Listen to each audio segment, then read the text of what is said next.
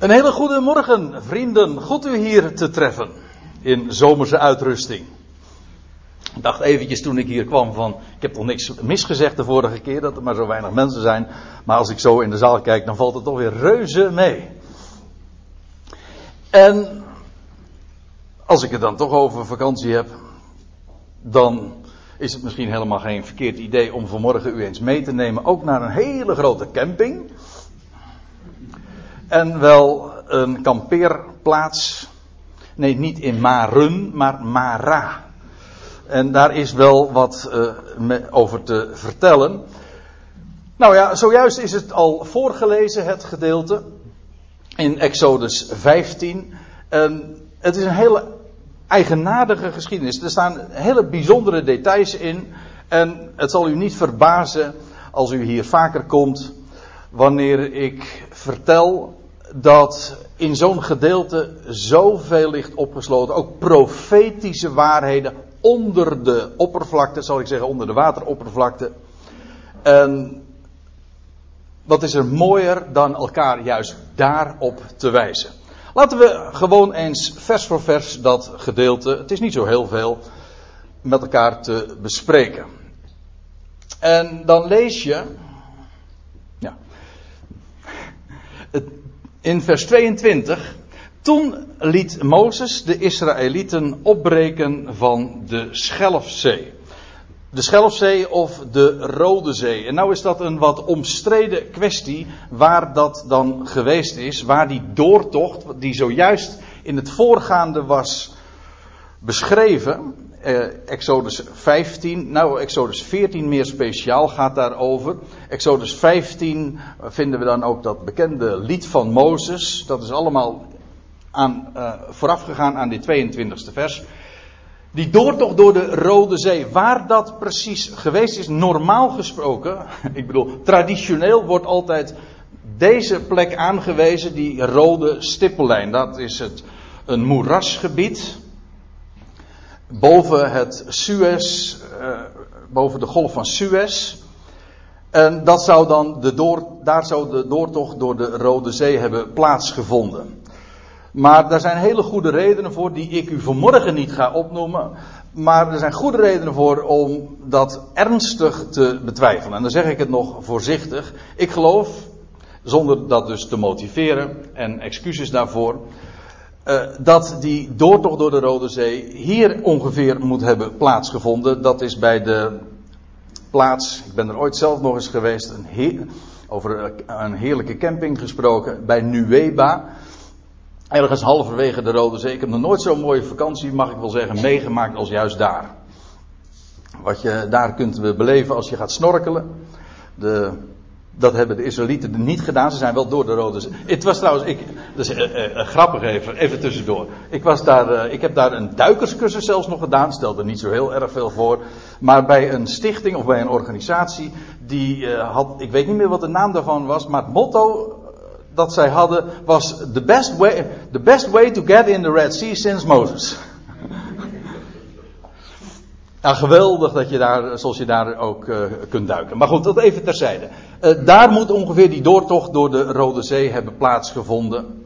En dat betekent dus ook dat de gewoonlijke plaats die wordt aangewezen als zijn de, de berg Sinaï, maar ook het hele, de woestijn van Sinaï, dat is, de, dat is hier, dat is even boven het huidige Sharm el-Sheikh. Niet kan kloppen, maar dat de berg Sinaï wel degelijk in Arabië heeft gelegen. Dat is dus hier ergens. Dat is een buitengewoon boeiend onderwerp. En als u zegt van de berg, uh, de berg Sinaï in Arabië, dat is het enige wat ik u dan hierover even wil meegeven. En dan gaan we uh, maar snel verder. Maar het enige wat ik u hierover wil meegeven is wat Paulus zegt in Galaten 4 en het is vers 25. Moet u toch eens een keertje lezen. Daar, daar lees je dat Paulus spreekt over de berg Sinaï in Arabië. Ja. En dan komt dit verhaal toch in een heel ander licht te staan. Goed. Dat even om een klein beetje een indruk te hebben van de, de landkaart en hoe dat ongeveer En waar dat ongeveer heeft plaatsgevonden. Toen liet Mozes de Israëlieten opbreken van de Schelfzee, de Rode Zee dus. En ze gingen naar de woestijn Sur. Drie dagreizen trokken zij door de woestijn zonder water te vinden. En dat is natuurlijk een hele onderneming voor zo'n heel volk dat daar door die woestijn trekt.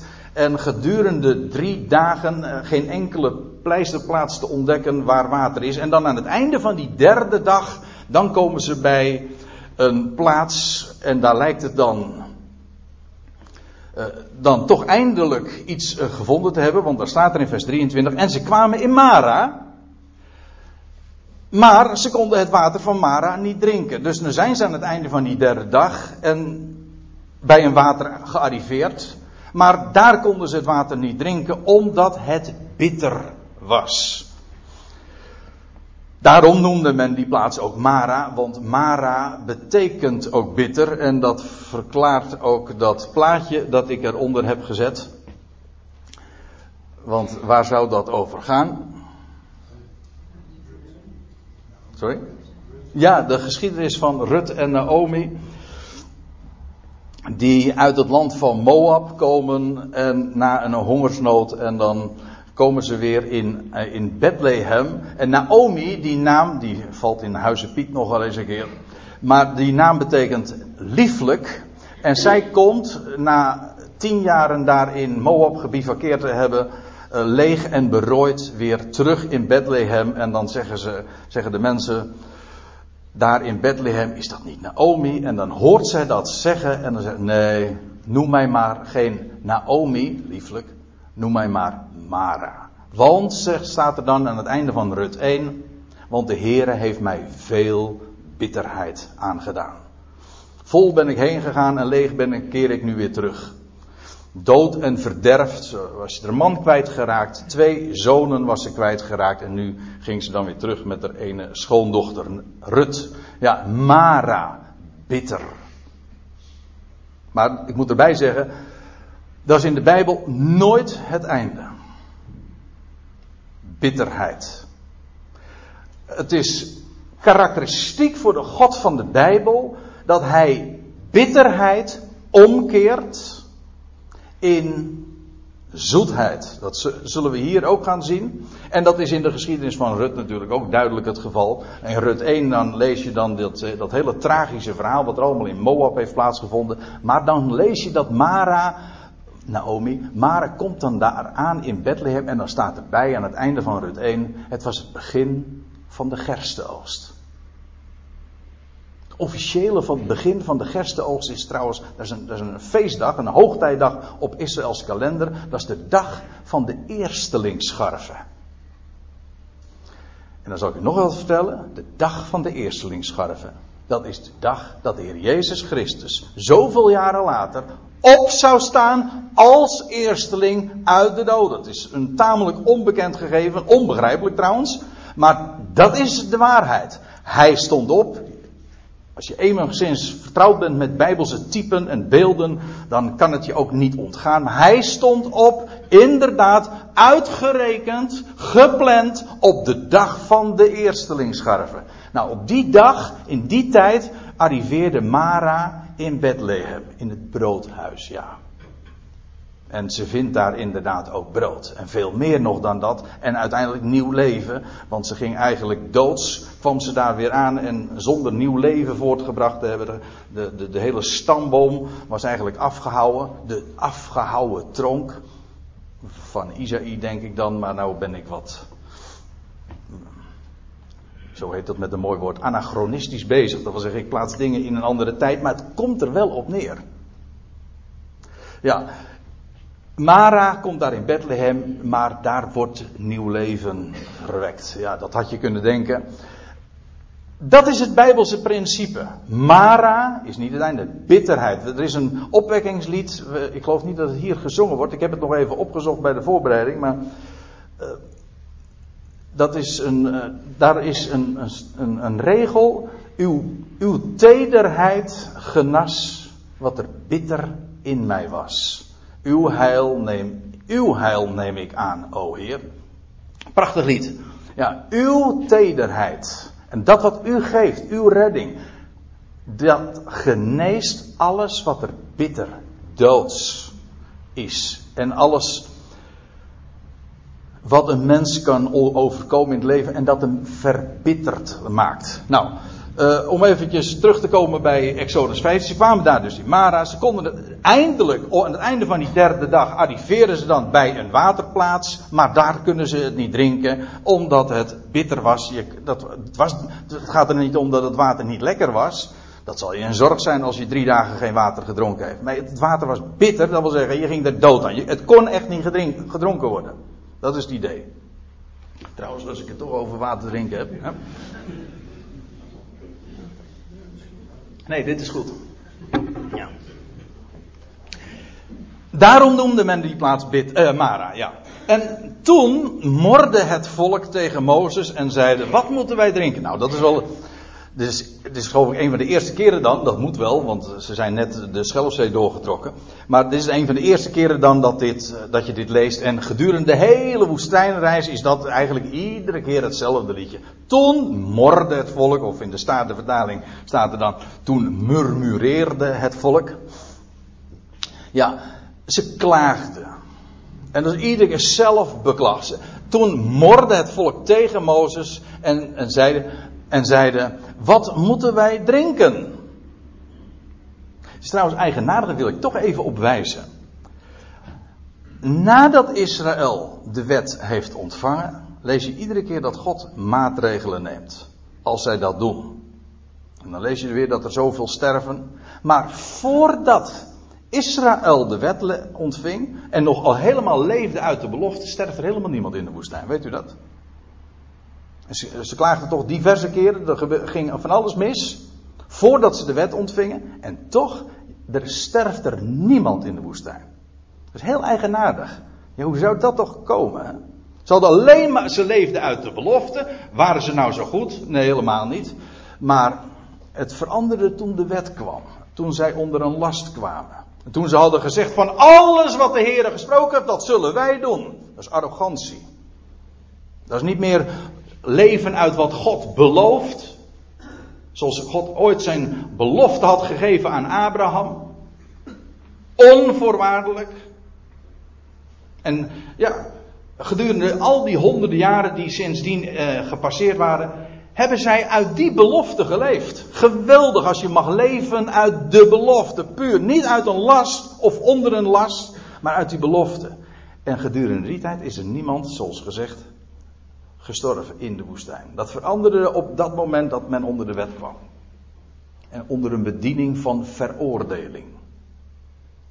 Nou ja, ik geef het even door en u kan daar zelf nog eens uh, uw eigen conclusies uh, aan verbinden en dat overdenken. Toen morde het volk tegen Mozes en zeiden, wat moeten wij drinken?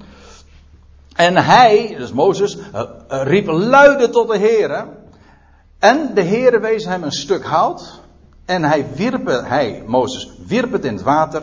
En toen werd het water zoet. Dat is een geweldig wonder wat daar plaatsvond.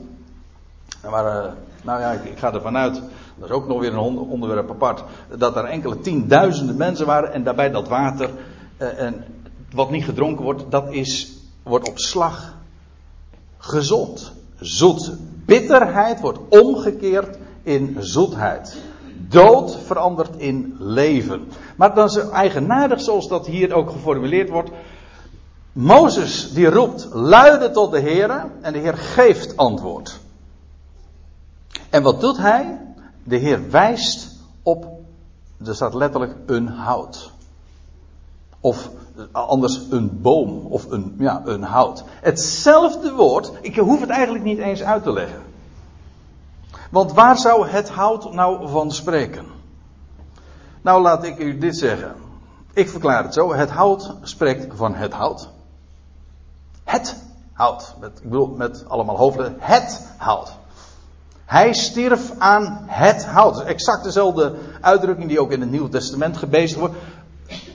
We, we, lezen natuurlijk dat de Heer Jezus stierf aan een, aan een kruis of aan een paal of aan een stauros is het woord.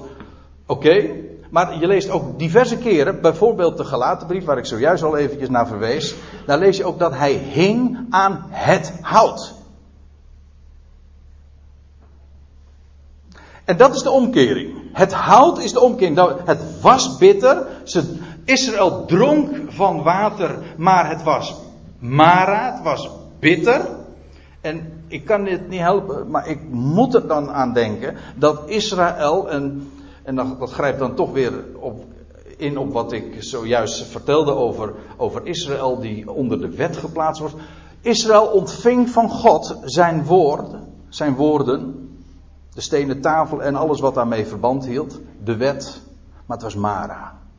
Het was een bediening des doods, staat er ook. In 2 Korinthe 3 wordt het genoemd een bediening van veroordeling. Was woord Gods, maar het was een last waar ze onder bezweken. Ze konden het niet dragen. En het was met recht Mara. Maar datzelfde woord dat God gaf op de berg Sinai, dat zal eens woord van leven worden. Mara wordt zoet. Het oude verbond wordt nieuw verbond. Dat wat een last was, zal, zal veranderen in een geweldige belofte. Het gij zult en gij zult niet, dat als een lode last op hun schouders uh, was gedrukt. En waar ze onder bezweken, wat ze niet konden dragen. En ze zeiden van, alles wat de Heer gesproken heeft, dat zullen wij doen. Nee, zo werkt het niet. Maar het wordt in hun hart geschreven.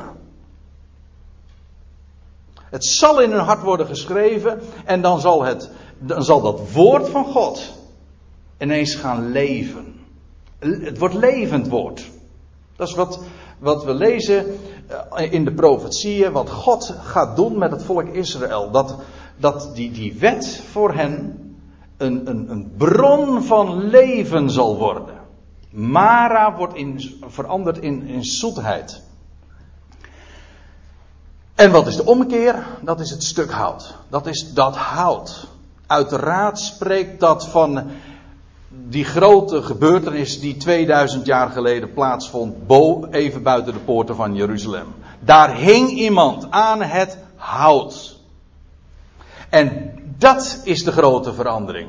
Want drie dagen later stond hij op uit de doden. Aan het einde van die derde, ja, laat ik het zo zeggen, na de derde dag, of op de derde dag, aan het einde van de derde dag, was er nieuw leven.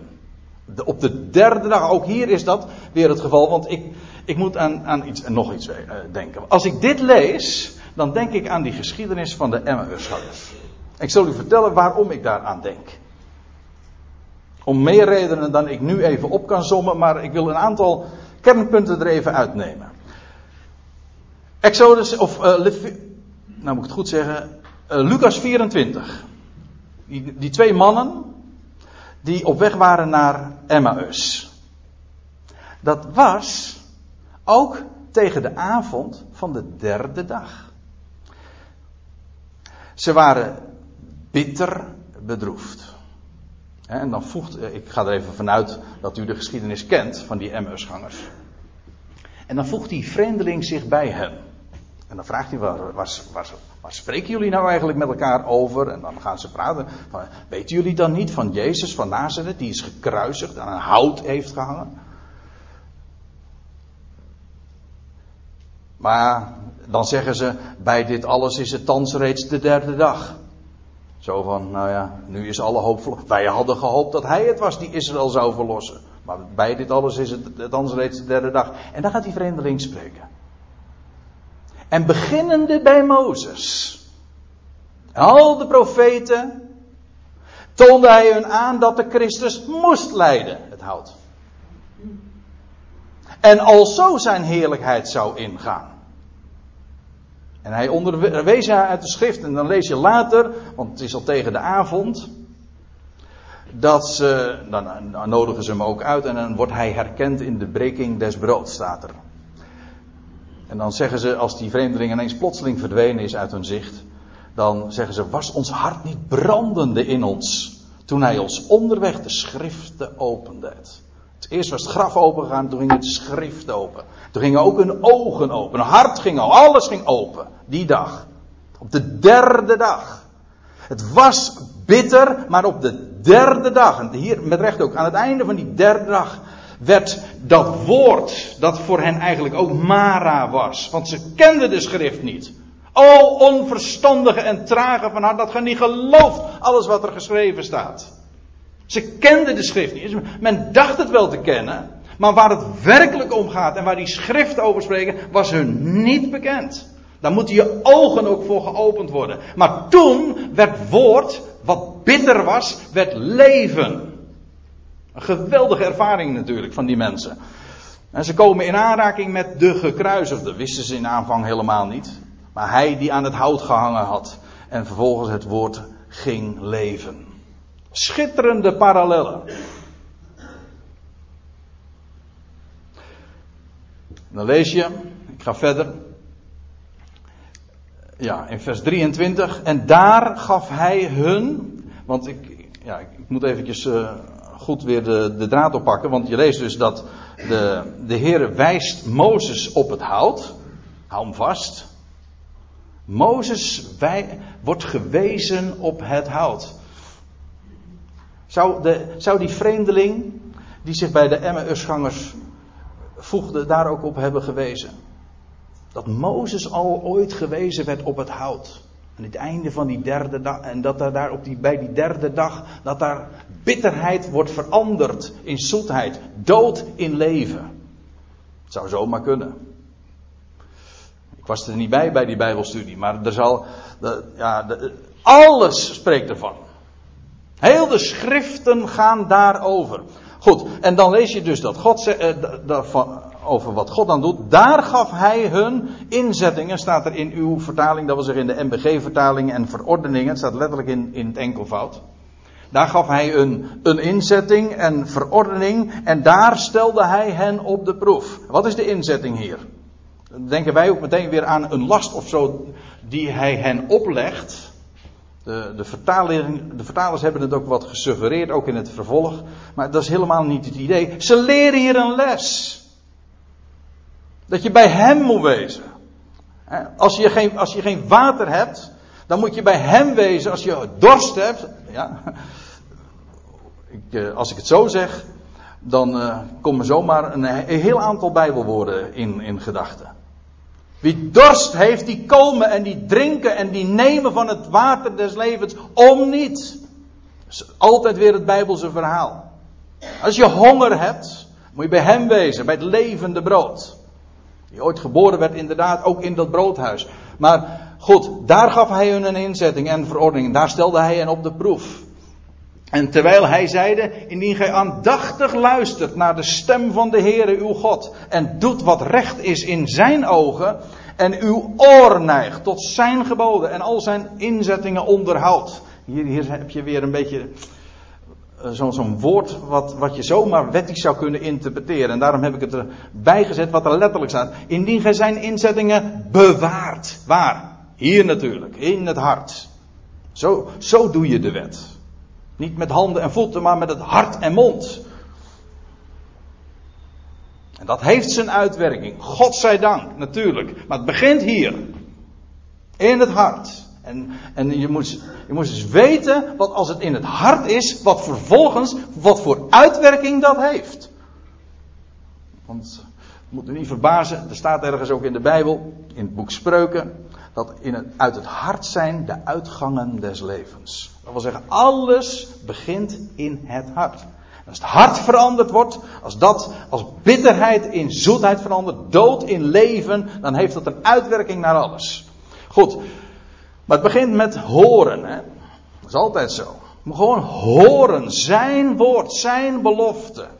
Luistert, uw oor neigt. En dan, zal, en dan staat er nog bij, dan zal ik u geen enkele van de kwalen opleggen die ik de Egyptenaren opgelegd heb, want ik, de Heere, ben uw heelmeester. Het wordt vaak zo opgevat van dat de Heere dan ziekten geneest, maar als je het in zijn verband dus bekijkt, dan gaat het er niet zozeer om dat de Heere uh, die ziekte geneest, maar hij bewaart je voor die, al die kwalen. Ik, de Heere, uw heelmeester, betekent, ik zorg ervoor dat je geen van die kwalen, geen van die ziekten zal, zal overkomen. Ik weet, het is een hele bekende tekst in bepaalde kringen. Ik, de Heere, ben uw heelmeester. En men zegt van, ben je ziek? Heb je een kwaal? Wel, in de Bijbel staat, ik, de Heere, ben je heelmeester. Ik zal u nou nog wat vertellen, dat is wel aardig in dit verband. Dit is zo profetisch. Ik had het in de aankondiging al even zo ook aangegeven, maar ik zal het u ook laten zien. Het idee is dat dit ook werkelijk zo met Israël zal gaan. Als u nou eventjes met me meegaat. Israël was door de Rode Zee gegaan. De Rode Zee, een schitterend type van de dood en opstanding van Christus. Hij die een weg baant door de dood heen. Dat is de Schelse, de doortocht door de Rode Zee. Dan vervolgens lees je een, over een drie dagreizen. En dan op die derde dag vinden ze leven. Dat wil zeggen, daar wordt op die derde dag, aan het einde van de derde dag, wordt de bitterheid omgekeerd in zoetheid. Dood wordt leven. Maar dat geldt ook voor Israël. Op het gevaar af dat ik nu iets vertel dat u niet helemaal duidelijk is, maar ik zal het zo kort mogelijk uh, willen aangeven. In de Bijbel is de gedachte is dat, dat Israël ook dezelfde weg zal gaan als haar Messias. Ook op die derde dag nieuw leven zal ontvangen. Alleen denken we dan niet in termen van dagen van, uh, van 24 uur, maar dan denken we in dagen van duizend jaar. Petrus zegt dat dan, al in zijn, in, in zijn tweede brief. Dit ene geliefde mag u niet ontgaan hoor, dat de Heer zo rekent. Eén dag bij hem is als duizend jaar en duizend jaar als één dag. En daarmee verwijst hij, of refereert hij aan een bekende profetie in Hosea 6, dat de Heer zegt van ik zal op de derde dag tot jullie komen. Na twee dagen, inderdaad, op de derde dag. En dan, zal, dan zullen jullie uit de dood opstaan. Ja, ja, je leest dat niet dus alleen in verband met de Messias, maar ook Israël zal opstaan uit de doden. Wanneer? Wel op de derde dag. Dan in het derde millennium. Daarom leven we in zulke boeiende tijden, beste mensen. Het is zo geweldig om nu, vandaag te leven. Aan het einde zeg maar, van, de, van de tweede dag. En de derde dag staat op het punt aan te breken. We hoeven helemaal geen data te noemen, maar je, je en je hoeft. Je, leest de schrift en, en je, je, je maakt mee en je, je leest en je, je hoort, je verneemt via welk medium dan ook in wat voor tijden we leven. En iedereen voelt eigenlijk wel aan, ik zou haar zeggen op zo'n klompen, dat we in bijzondere tijden leven van een omslag. En dat is ook zo. Hoe dan ook, om eventjes bij terug, uh, terug te komen. Uh, Israël zal inderdaad in dat, op die derde dag nieuw leven ontvangen. En dat woord van Mara, dat woord van veroordeling, die tenag, dat zal een woord worden van leven. Ze, ze, zullen hun Messias ontdekken. Ontdekken, ja. Want de bedekking zal worden weggenomen van Mozes, van de boeken van Mozes. En men zal hem vinden over wie heel de schrift, Mozes en de profeten spreken. De opgewekte Messias. En dat woord wat een last was, zal belofte worden. Hij neemt alle lasten af en, en hij gaat het allemaal doen. Dat is zoet. Dat is zo zoet. En dat is leven. Wel, en weet u wat er dan gaat gebeuren? Als dat derde millennium dan aanbreekt. Dat die derde dag. Dan zal Israël leven en dan wordt het ook een zegenkanaal voor de volkeren. Ik kom er nog even op terug. Maar dan zal ook de Heere zich eh, hun, of zijn woord in hun harten schrijven. Precies wat hier staat. Hij zegt, dan zullen, dan zullen ze inderdaad aandachtig luisteren naar de stem van de Heer hun God. En dan, dan zullen ze doen wat recht is in zijn ogen. En hun oor neigen tot zijn geboden. Niet meer omdat het moet, maar omdat, het, omdat Hij het doet in hun hart en hun leven. En dan zal, en dan zal de Heer zich ook een heelmeester betonen aan hen. Dat is inderdaad wat we noemen het Messiaanse koninkrijk. Dan zal hij een heelmeester zijn, nationaal en in alle opzichten. Een wonderbare tijd. Het Messiaanse koninkrijk. De tekenen van het koninkrijk zullen dan heel concreet zijn. En dan zullen er geen toeters en bellen uit de kast gehaald worden met veel geschreeuw en veel geforceerde uitleg van hoe in verband met genezing. Nee, dat zal dan gewoon de praktijk elke dag zijn. De Heer die deze wonderen zal verwerken, uh, zal, zal werken. Ik, de Heer, ben uw heelmeester. Ja, dat zal dan ook vervuld worden. Weet je wat er dan ook nog vervuld wordt? Nog iets anders. Dan komen ze bij een, een andere plaats. Als ze, als ze dan wegtrekken van Mara, dan lees je vervolgens in vers 27. Daarna kwamen zij in Elim. En daar waren twaalf waterbronnen en zeventig palmbomen. En ze legerden zich daar aan het water. Dus ik heb altijd wat eigenaardige tekst gevonden. Van die twaalf waterbronnen begrijp ik nog, maar vooral van die zeventig palmbomen. Eh, ja, nou, nou ja, het, nee, het, getal is opmerkelijk genoeg natuurlijk. Maar ik bedoel, uh, is dat interessant hoeveel bomen daar staan? Als u, eh, je, je, bent op vakantie geweest en dan zeg je van ja, ik, ben, ik was er bij een bos en er stonden 133 bomen. En dan denken ze eerst van, wat voor halve ben je dat je die bomen gaat tellen? Ja, maar waarom wordt dat getal hier genoemd? Nou, gewoon omdat het opmerkelijk is. Daarom weet ik ook gewoon op voorhand al dat, dat als Mozes dit optekende, want van zijn hand is dit, dat hij daar natuurlijk ook zo zijn gedachten over had. Uiteraard. Ach, men wist veel meer. Wij denken van al, uh, we lezen over allerlei dingen heen en over allerlei, dat zijn gewoon bijbelse understatements. Die moet je, daar moet je over struikelen. Het staat er niet voor niks. Wat interesseert ons het nou dat hoeveel palmbomen er stonden? Ja, totdat je eenmaal weet, eh, ja, het waren twaalf waterbronnen. Nou, waar twaalf voor staat is niet zo moeilijk, hè? De twaalf staat uiteraard voor de twaalf stammen van Israël. Logisch. Twaalf markeert het getal van Israël. 70, daar wist Mozes ook alles van, want in de, in de Hebreeuwse symboliek is dat een heel bekend gegeven. Je hebt de, de volkerenlijst in Genesis 10, de zonen van Noach. En die volkerenlijst bestaat uit 70 namen. Dat zijn de 70 stamvaders, zeg maar, van de volkerenwereld, van de mensheid. 70. 70, zoals 12 het getal is van Israël, zo is 70 het getal van de volkeren.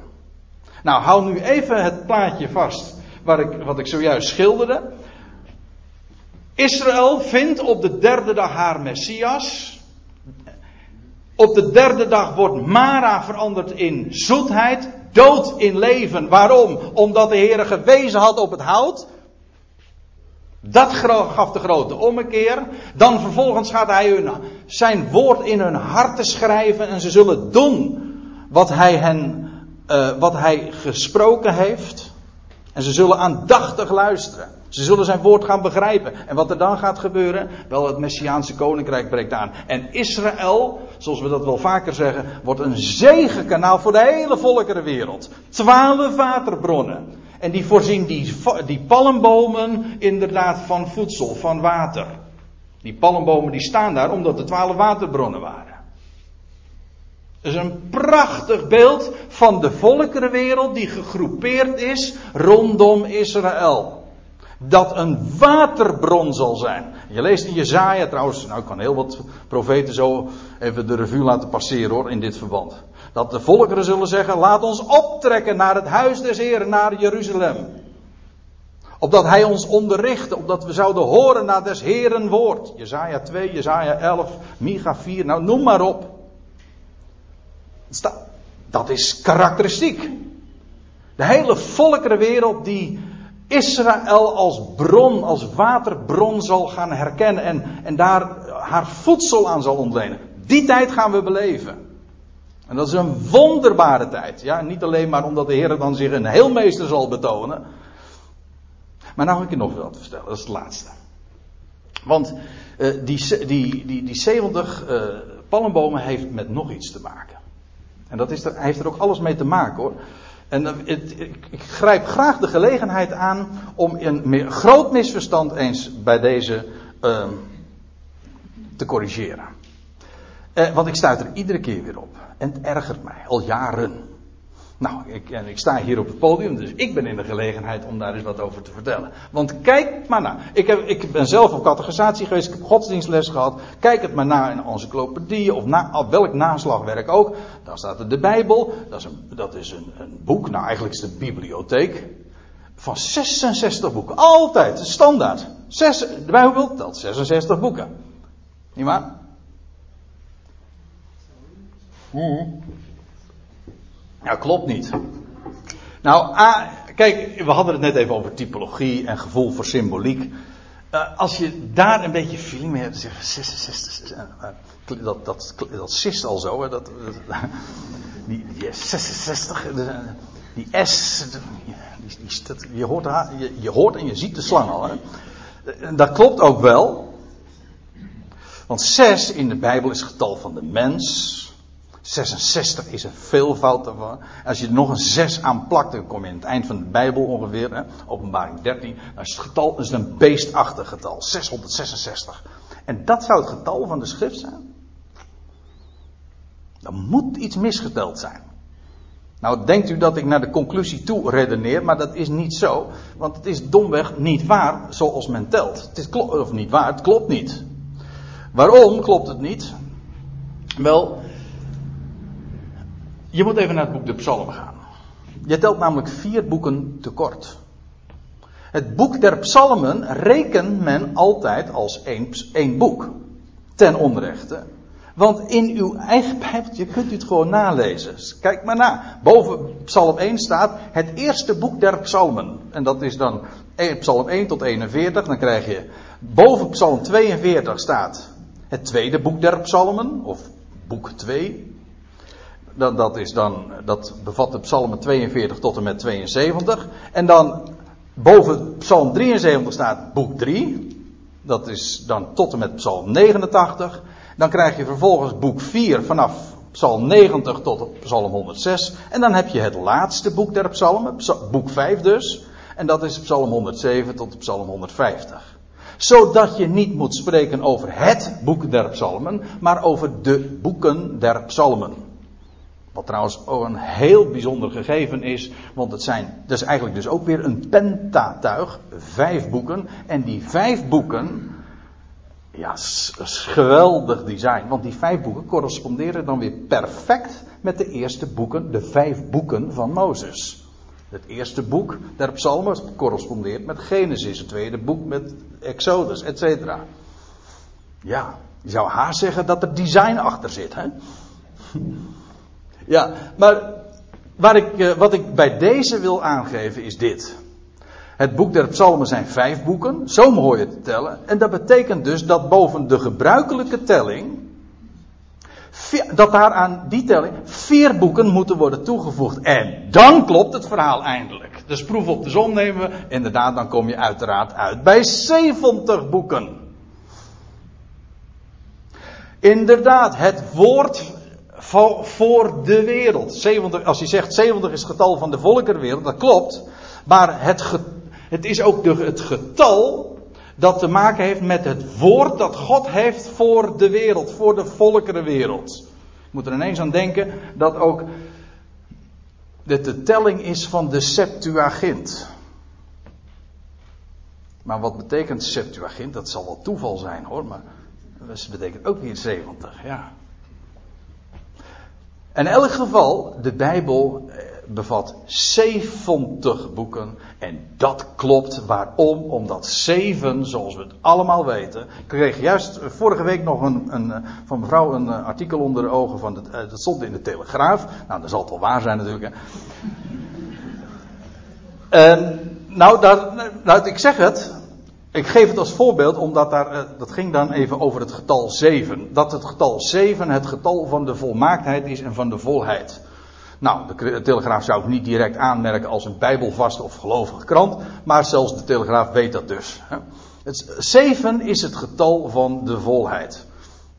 Nou, ik ga er daar geen voorbeelden van geven, maar het grappige is trouwens dat het Hebreeuwse woord voor volheid hetzelfde is als het, als het woord voor zeven.